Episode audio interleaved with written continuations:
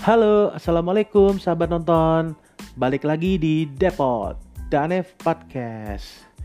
Eh, lo orang pernah gak sih main gitu di Facebook di challenge temen lo selama 10 hari untuk nyebutin satu film tiap hari?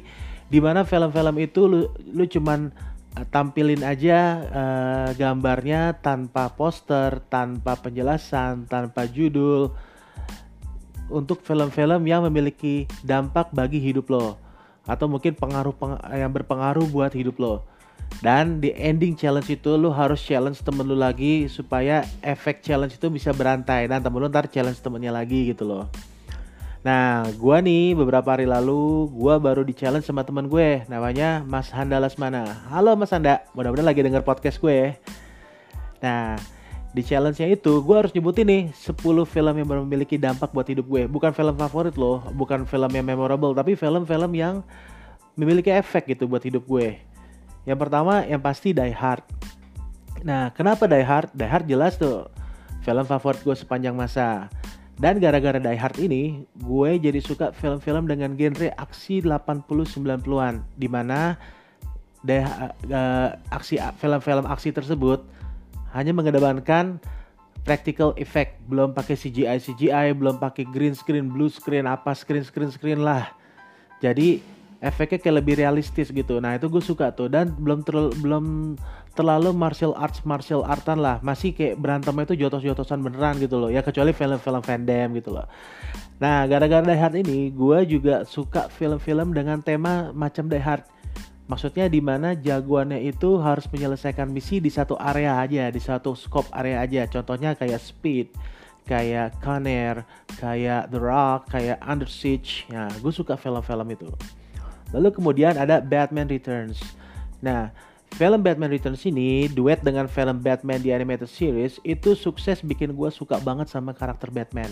Suka banget dengan universe Batman. Apalagi suka banget sama musuh-musuhnya Batman sampai-sampai ketika dewasa gue bikin gue rame-rame sama teman-teman gue bikin komunitas Gotham Citizen Club di mana komunitas itu menampung uh, fans-fans atau penggemar-penggemar universe Batman dari penggemar musuhnya, penggemar Batman ya, mungkin penggemar filmnya dan bisa join di situ.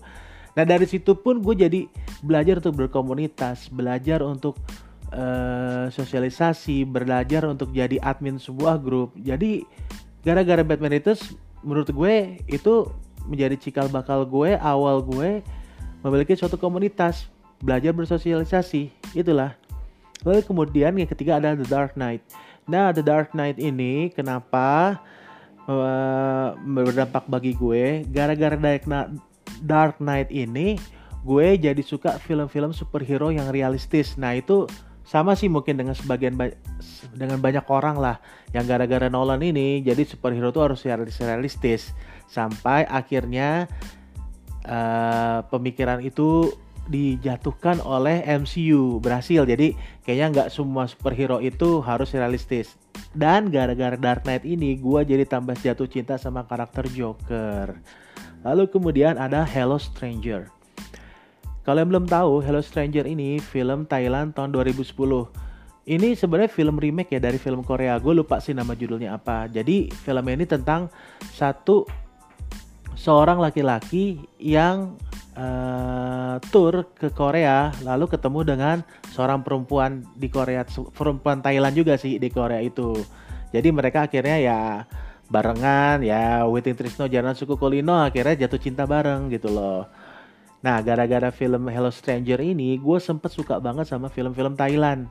Jadi, selain Hollywood sama film nasional pastinya, gue paling cocok dengan film-film Thailand gara-gara film Hello Stranger ini. Lalu yang kemudian ada film Up. Menurut gue, film ini termasuk film yang paling romantis menurut gue.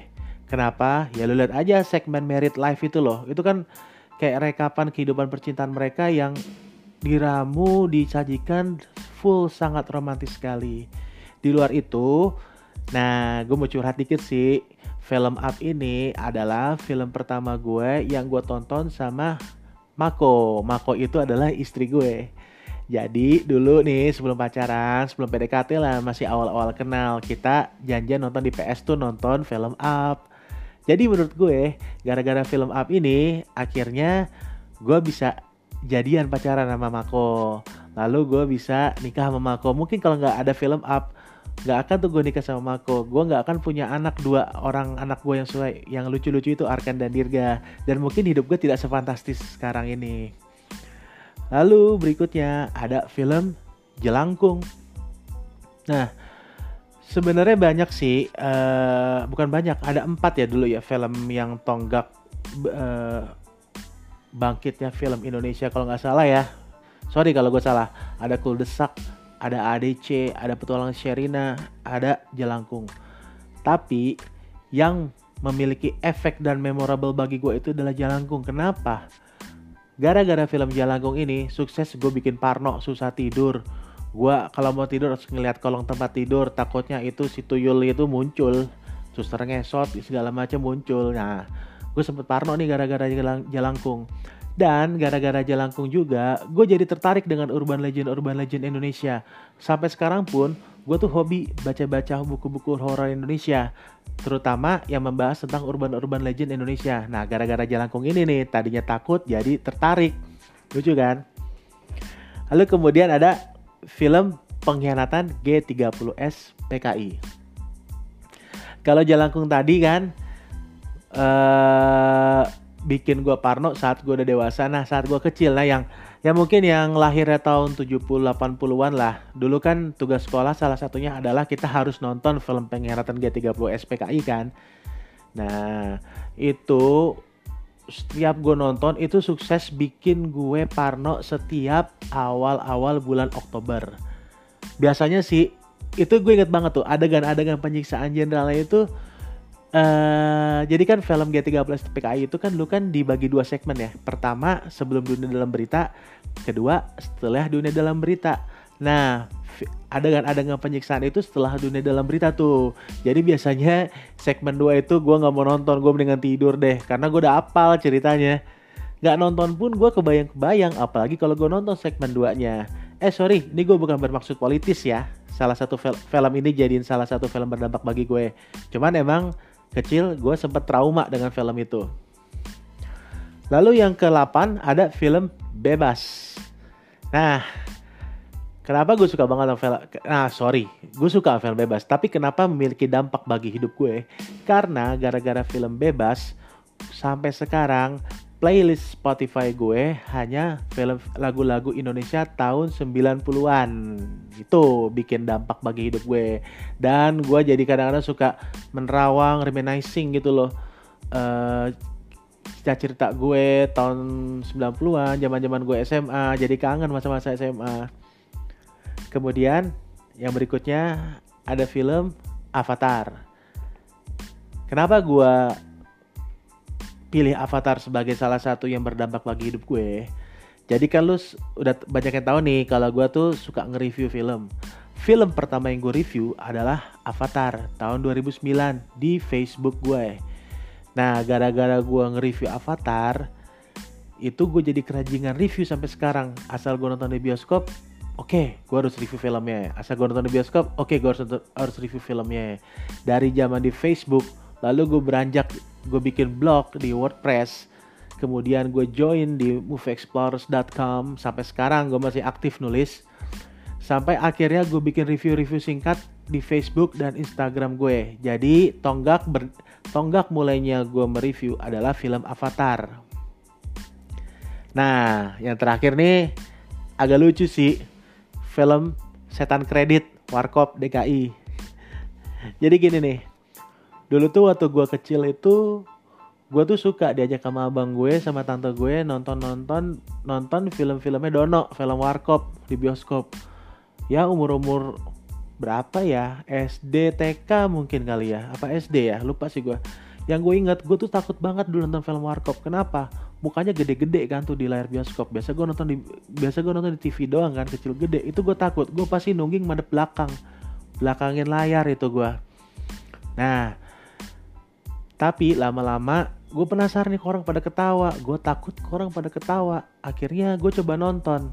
gue coba nonton terus akhirnya ada film yang kira-kira menarik. Gue ajak abang gue nonton di bioskop. Gue ajak nyokap gue bokap gue almarhum nonton di bioskop sampai sekarang akhirnya gue suka banget nonton dan uh, nonton film adalah salah satu passion gue yang paling utama jadi bisa dikatakan film Warkop DKI itu memiliki efek yang bikin gue jadi suka banget sama film Nah, kenapa setan kredit? Jadi, di antara jajaran puluhan-puluhan film Warkop itu, gue paling memorable setan kredit. Setan kredit itu sebenarnya film komedi ya, Warkop lah komedi lah ya, nggak ada yang drama romantis. Tapi adegan endingnya itu yang muncul pocong-pocongnya itu, itu itu bikin gue nggak bisa tidur juga waktu kecil. Jadi walaupun gue nggak sempat nonton itu film di bioskop, gue nonton cuma di TV. Dulu di apa di kaset Betamax ya tapi efeknya itu sampai sekarang itu gue selalu inget selain selain yang cerita Dono jadi gaban ya paling gue paling inget itulah paling paling berdampak bagi gue tidak bisa tidur so jadi itu deh rekapan 10 film yang memiliki dampak bagi hidup gue oke kira-kira sahabat nonton ada nggak 10 film yang memiliki dampak bagi hidupnya bukan film favorit ya film yang berdampak bagi hidupnya. Oke? See ya next episode. Thank you sudah mendengarkan. Assalamualaikum sahabat nonton.